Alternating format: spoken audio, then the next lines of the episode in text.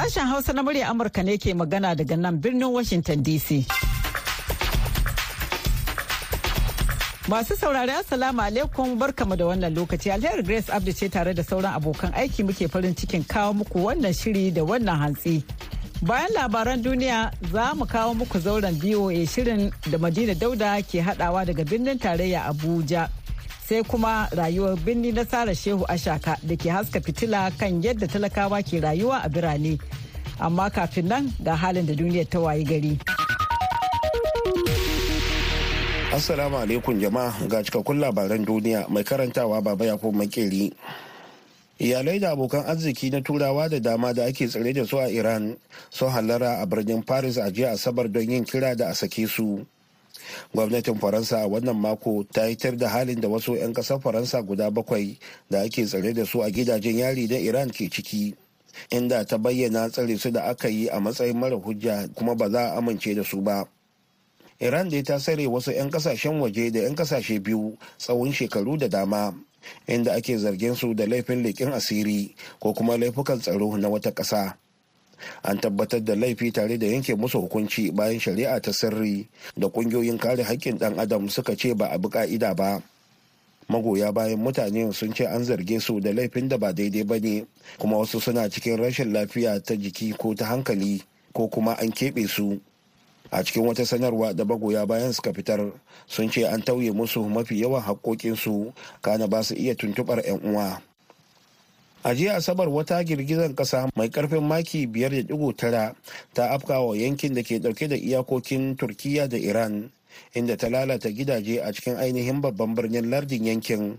A cewar rahotannin kafafen yada labarai da kuma ma'aikatar hasashen yanayi ta emsc kakakin hukumar ba da agajin gaggawa ta iran mujtaba khalidi ya shaida wa kamfanin dillancin labarai na yjc cewa yawancin lalacewar gidaje da gine-gine ya fi kamari ne a birnin koyi jama'an agajin gaggawa na iran sun ce an aiki da tawagogin ceto zuwa yankin kuma an sanya asibitoci cikin shirin kota kwana kamar yadda kafafen yada labaran ƙasar suka rawaito. Wani jami'in agajin gaggawa ya shaida wa gidan talabijin ƙasar cewa an tafka dusar kankara a wasu yankuna da girgizar ƙasar ta shafa a yayin da ake fama da daskarewar kankara da kuma katsewar wutar lantarki. Labaran na zuwa muku ne daga nan sashen hausa na muryar amurka a birnin washington dc wani harin makami mai linzami da rasha ta kai akan wani birni a yankin donetsk da ke gabashin ƙasar ukraine ya kashe akalla mutane uku a jiya asabar yayin da sojojin ukraine suka gwabza kazamin fada da sojojin rasha a wurare da dama a gabashin ƙasar inda moscow ke ci gaba da kai hare-hare cikin gaggawa a daidai lokacin da ƙasashen yammacin duniya suka yi alkawarin kawo tankunan zamani ga kiev shugaban ƙasar ukraine volodymyr zelensky ya yi amfani da wannan damar wajen matsawa abokan hulɗarsu na ƙasashen yamma lamba don baiwa dakarunsa makamai masu linzami masu cin dogon zango da aka fi sani da atacms domin rage ƙarfin rasha na kai hari kan garuruwa. Zai yiwu a taka wa ta'addancin rasha burki idan za mu iya samar da makamai masu linzami da suka dace ga sojojinmu in ji zelensky a cikin jawabinsa na daren jiya asabar. Tun da farko zelensky ya ce ana ci gaba da gwabza kazamin fada a garuruwan volda da bakhmut garin da aka fi fama da hare-haren bamabamai na rasha. A jiya asabar shugaban ƙasar peru dina boluart ta buƙaci 'yan majalisar dokokin ƙasar su nemo hanyar fita daga cikin rikicin siyasa da ke ƙara yin zarfi ta hanyar amincewa da gudanar da zaɓuka a watan disamba sa'o'i kaɗan bayan da majalisar ta kada ƙuri'an kin amincewa da wannan ra'ayi. Da sanyin safiyar jiya asabar ɗin nan ne 'yan majalisar suka yi watsi da buƙatar ta na kai zabuka gaba zuwa watan disamba. Duk da zanga-zangar kin jinin bulwark da ta barke a faɗin ƙasar ta yi sanadin mutuwar mutane da dama. Mun yi nadamun cewa majalisar wannan jamhuriya ta gaza fitar da ranar da za a gudanar da babban zaɓe inda 'yan ƙasar peru za su samu sukunin zaɓo sabbin hukumomi ta hanyar demokuraɗiyya a cewar saƙon da bulwar ta kafa a shafin twitter a jiya asabar. Ta yi kira ga 'yan siyasa da su ajiye muradun jam'iyyunsu su saka kishin al'ummar peru a gaba. Dubban masu zanga-zanga ne suka yi gangami a wagadugu babban birnin ƙasar burkina faso a jiya asabar domin nuna goyon bayan su ga gwamnatin mulkin soja kwanaki bayan da faransa ta tabbatar da janye dakarunta da musamman kamar yadda wani dan jaridan afp ya bayyana a wurin taron. A dandalin park nation square da ke tsakiyar birnin wagadugu masu zanga-zanga sun riƙa alamomi masu ɗauke da take kamar ku kauce da mulkin mallakar ku ku kauce da manufofin faransa a afirka da kuma gaba dai da ikon cin gashin kai ga burkina faso. Lazare yamiego shi ne mai magana da yawun ƙungiyar fafutukar neman sauyi tsakanin ƙasashen afirka ya faɗa wa taron jama'ar cewa ba ma son ƙarin sansanonin sojojin ƙasashen waje a ƙasar mu muna son mutuntawa da kuma yin aiki tare cikin nasara. Ya ce za mu ci gaba da sanya idanu har sai ƙasar burkina faso ta samu 'yancinta daga masu mulkin mallaka na yamma. Faransa da ke zama tsohuwar mai mulkin mallaka ta ƙasar burkina faso ta kafa sansanin dakarunta na musamman a birnin wagadugu sai dai ana sanya idanu sosai akan kasancewarta a wurin a yayin da akidar kin faransa ke karuwa a yankin.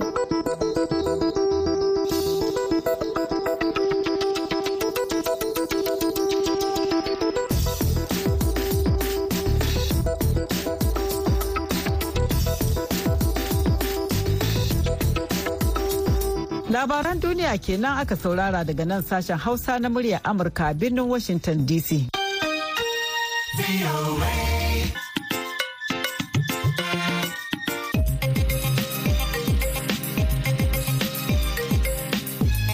Yanzu kuma ga Madina da shirinmu na gaba.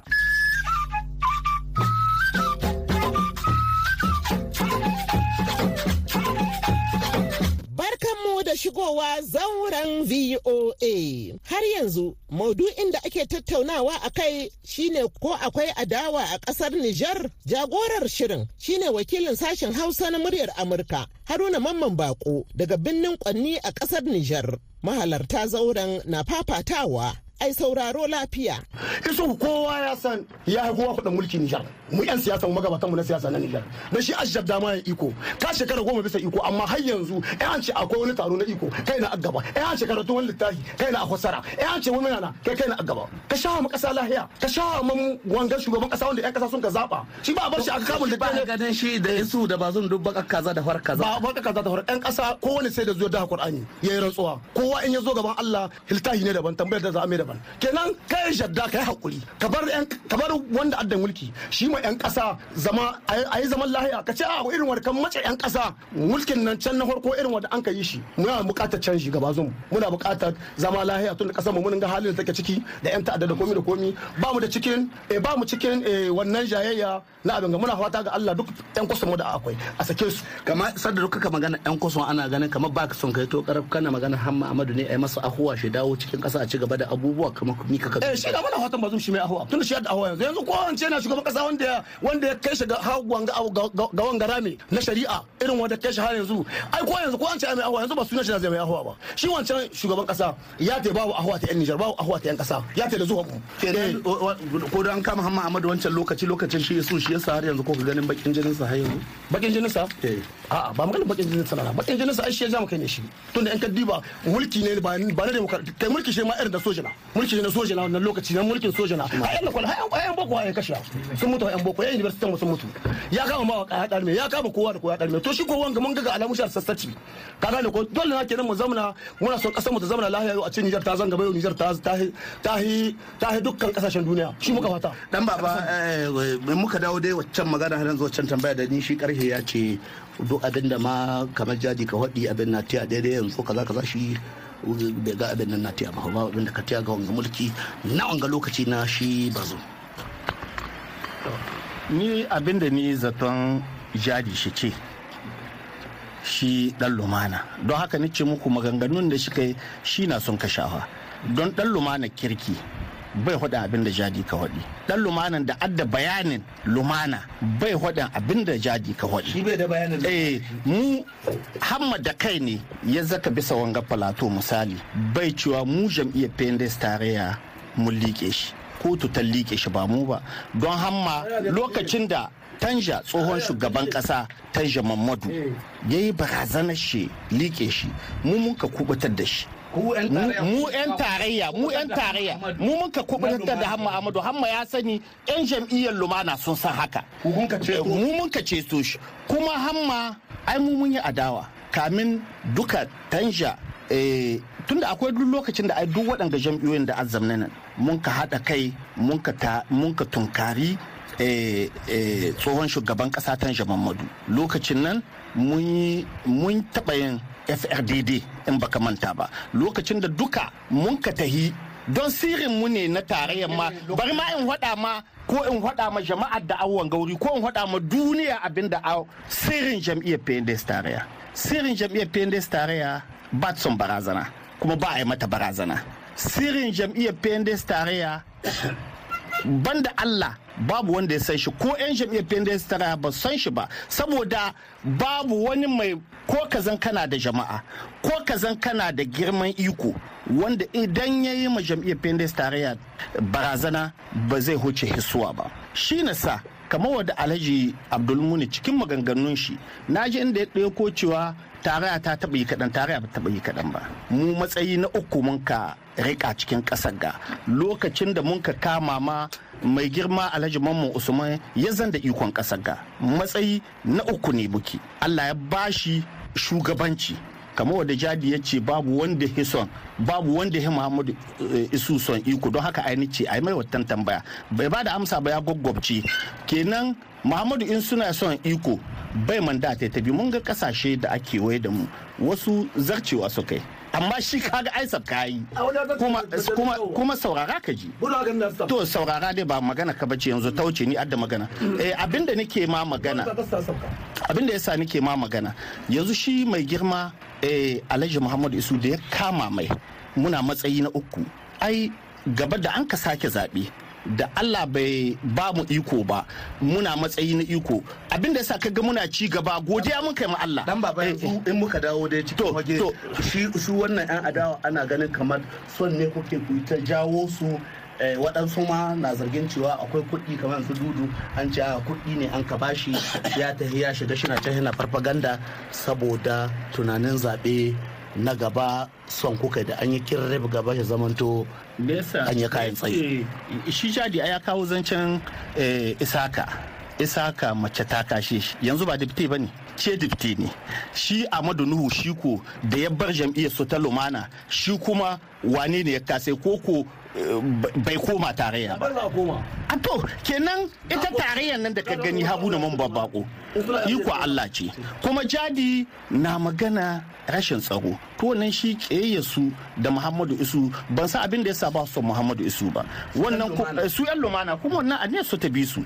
Tunda ba ka iya hana ka ce mutum shi ce bai son abu ka ce dole sai ya zo shi. za ka ce ga wannan magana da ita da ake yi na cewa yan adawa da ana ta ana ta yanzu yanzu ba su ana ta ba jadi kai yanzu kuɗi muka baka da kai mana ga tamboyi ba neman na an kai baka sa munan cikin wanga rediyo naka mu yi tamboyi mu wayar da mu mutane kai game da abubuwan da ka shiga. Ni ce ma sirrin tarayyar da nake so in baka. Abin da yasa tarayya take ci gaba. Lokacin da shi tsohon shugaban kasa Tanji Muhammadu duk ya kore mu Allah ji kanshi Allah shira mashe shi. Ya kore duk manyan yan siyasa mu ya dawo Niger sai ana mai horin jini. Sai a hana mutane su gane shi na kishin kasa ga ta Niger ya dawo duk cikin su duk ba ruwa sun kai ba ya baro su can.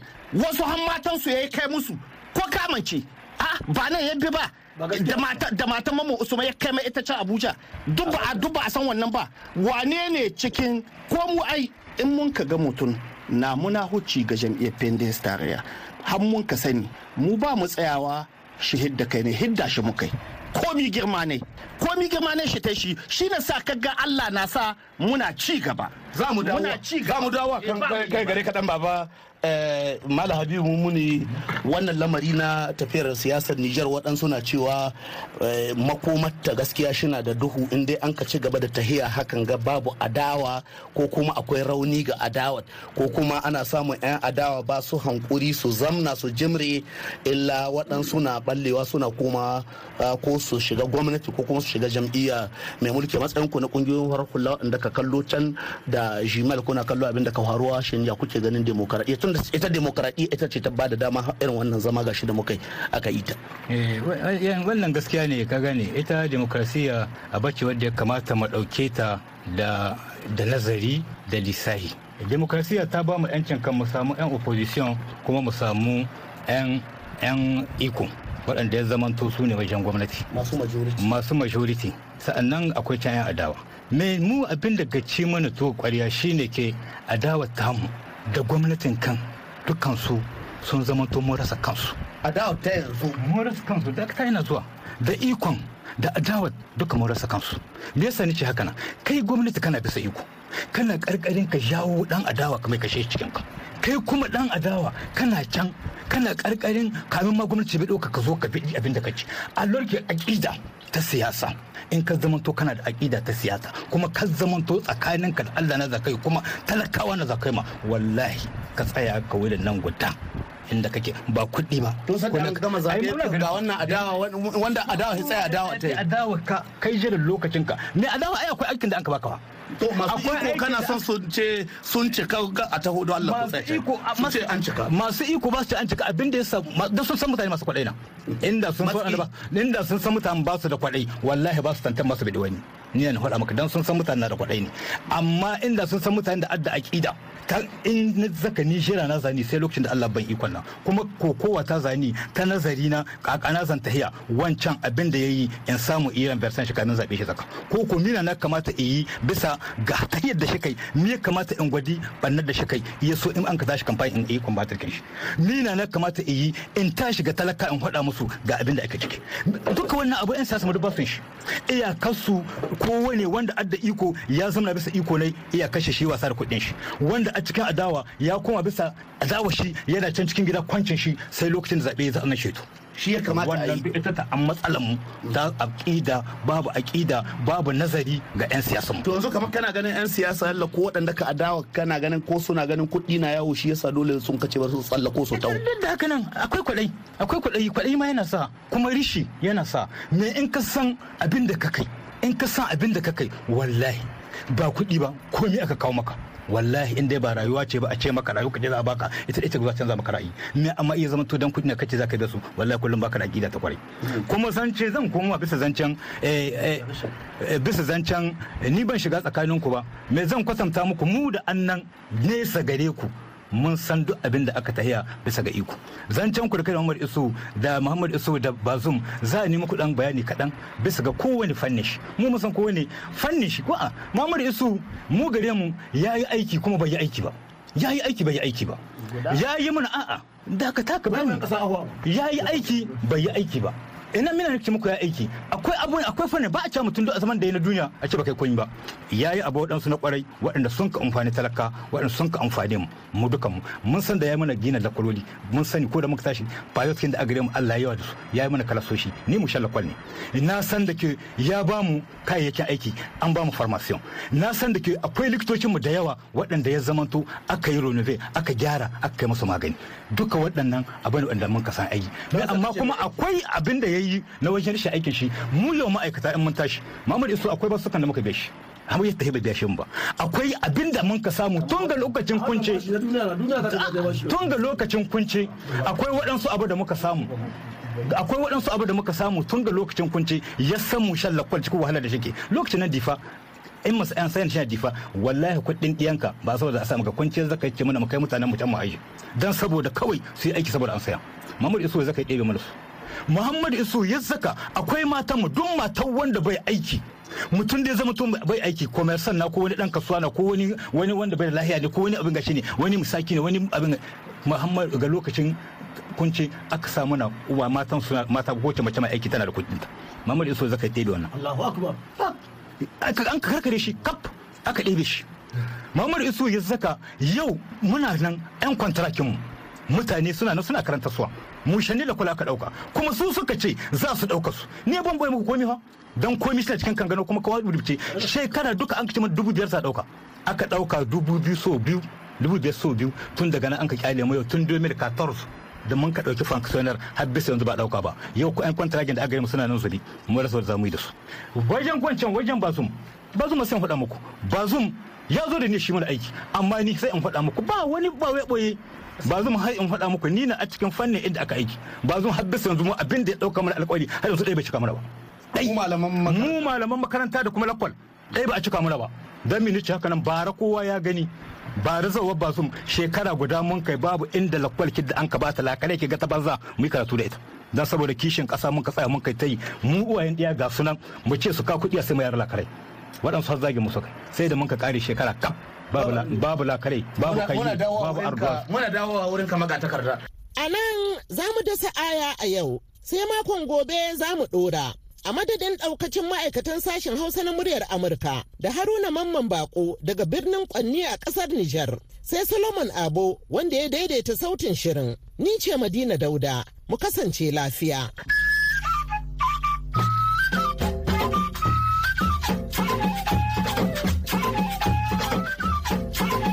A gaida Madina. Wannan shirin na zuwa muku ne daga nan birnin Washington DC a kan mitoci 1725 da kuma 60. Ga masu sauraron mu a jamhuriyar Nijar a kullum za ku iya sauraron mu kai tsaye a tashar VOA Africa a kan mita 200.5. Ana kuma iya samun mu ta hanyar sadarwar intanet a duk lokacin da mai sauraro ke buƙata kan voahausa.com ko kuma sashen hausa.com domin sauraron shirye-shiryen namu a ko da yaushe. Yanzu kuma ga Sale Shehu Ashaka da rayuwar birni. Jama'a Assalamu alaikum barkamu da saduwa a wannan sabon shiri na rayuwar birni. Shirin da ke haska fitila kan faɗi tashin talakawa da suka bar garuruwansu suka tafi birane don neman ingancin rayuwa. a yau shirin rayuwar birnin ya garzaya ne anguwar asokoro inda muka zo zauren wata mata inda take mini goodness fruit wata mata da take sai da lemu da abarba da su kankana amma na tafa na zamani ne wanda in ka siya sai a nika maka shi gata nan bari mu zanta da ita ko za ki bani dan takaitaccen labari akan kanki Salamu alaikum. Sunana Goodness mai Goodness Fruit Juice Salad and Bar. Muna kan markaɗe su fruit duk yanda abin da ya kasance fruit muna markaɗe su kuma suna da kyau a jiki ko rashin lafiya ko wanda yana gajiya ya kan sha. to kamar ke daga wace gari yar asalin wace jiha ce a najeriya? Niyar Plateau ce, jihar plateau. A ina a jihar plateau? Niyar Lantan ce. a ganin cewa kamar tun yaushe kika fara wannan sana'a ta wannan abubuwa na kayan marmari Shekara na shida yanzu da wannan business. shekaran ki shida a shin kin yi karatun boko Na yi karatun boko. Eh, kamar zuwa wani mataki kika yi na karatun boko Na kare a secondary school ne kawai. Amma na yi karatu a kan fruit sosai. Kuma na je course na shi na san fruit in and out me yake ci wanda ba kyau wanda ba kyau a hada da wanda kuma yana da kyau a hada ya ba da amfani a cikin jiki duka na karanta su. to kamar me ya baki sha'awar shiga wannan sana'a Domin na gan shi yana da kyau kuma yana da kyau a jiki kuma yana da amfani sosai. Shine mun na shiga business din. Kuma ba business ko kaɗai ba muna so mu gan lafiyar mutane. Kuma yadda mutane da yawa suna so su ci ba su san yadda suke yi ba suna zuwa muna koya musu. To menene ya baki sha'awan zuwa garin abuja ki yi wannan kasuwanci da kike yi? Kika bar can lantan kika taho nan abuja. Zuwa na abuja ba don business din ba. Na zo ne ina zama abuja amma nan aka koya min aikin shine na zauna nan na yi amma da lokaci za mu kai shi har lantan e to wasu sai su ga cewa kamar kika duba rayuwar abuja za a ce rayuwa ce mai tsada akwai wahala. Kamar wasu sai ce me yasa baki zauna a lantan din baki yi wannan sana'a? Ko kina ga a nan ya fiye miki?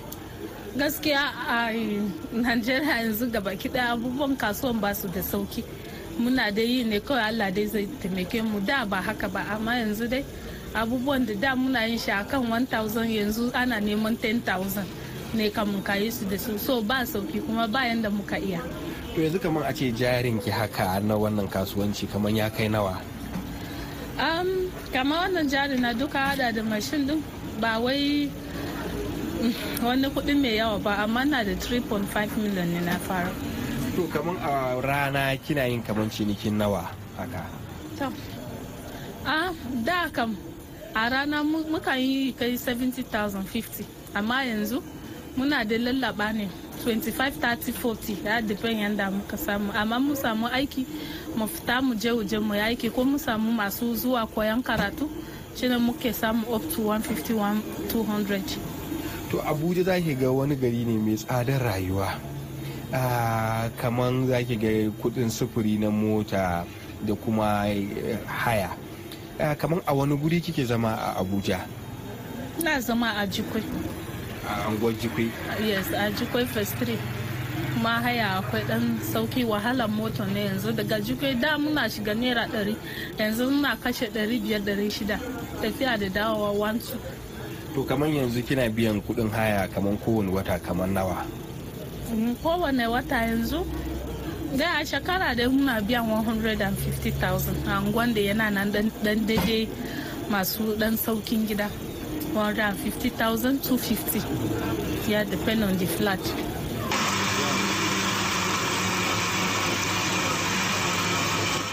Shirin namu kenan na yau sai mun sake saduwa a madadin dukkan waɗanda suka ba da gudunmawa ga nasarar wannan shiri da Salaman Abo da ya daidaita sautin shirin. Ni Sale Shehu Ashaka nake cewa mu wuni lafiya. To a gaida Malam Sale. Haɗa kai mu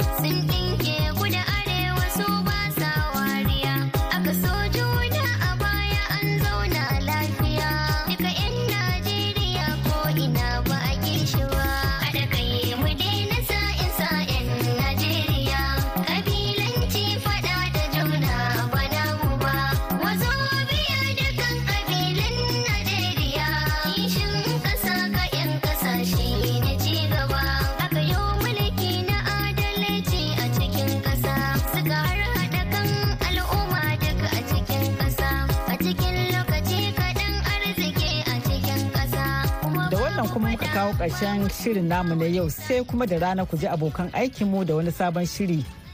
yanzu a madadin dukkan waɗanda suka ba da gudunmawa ga nasarar wannan shirin da suka hada da solomon abo da ya har hada shiri da ba da umarni alheri ke muku fata alheri ku wuni lafiya mu kuma mu kwana lafiya da alheri.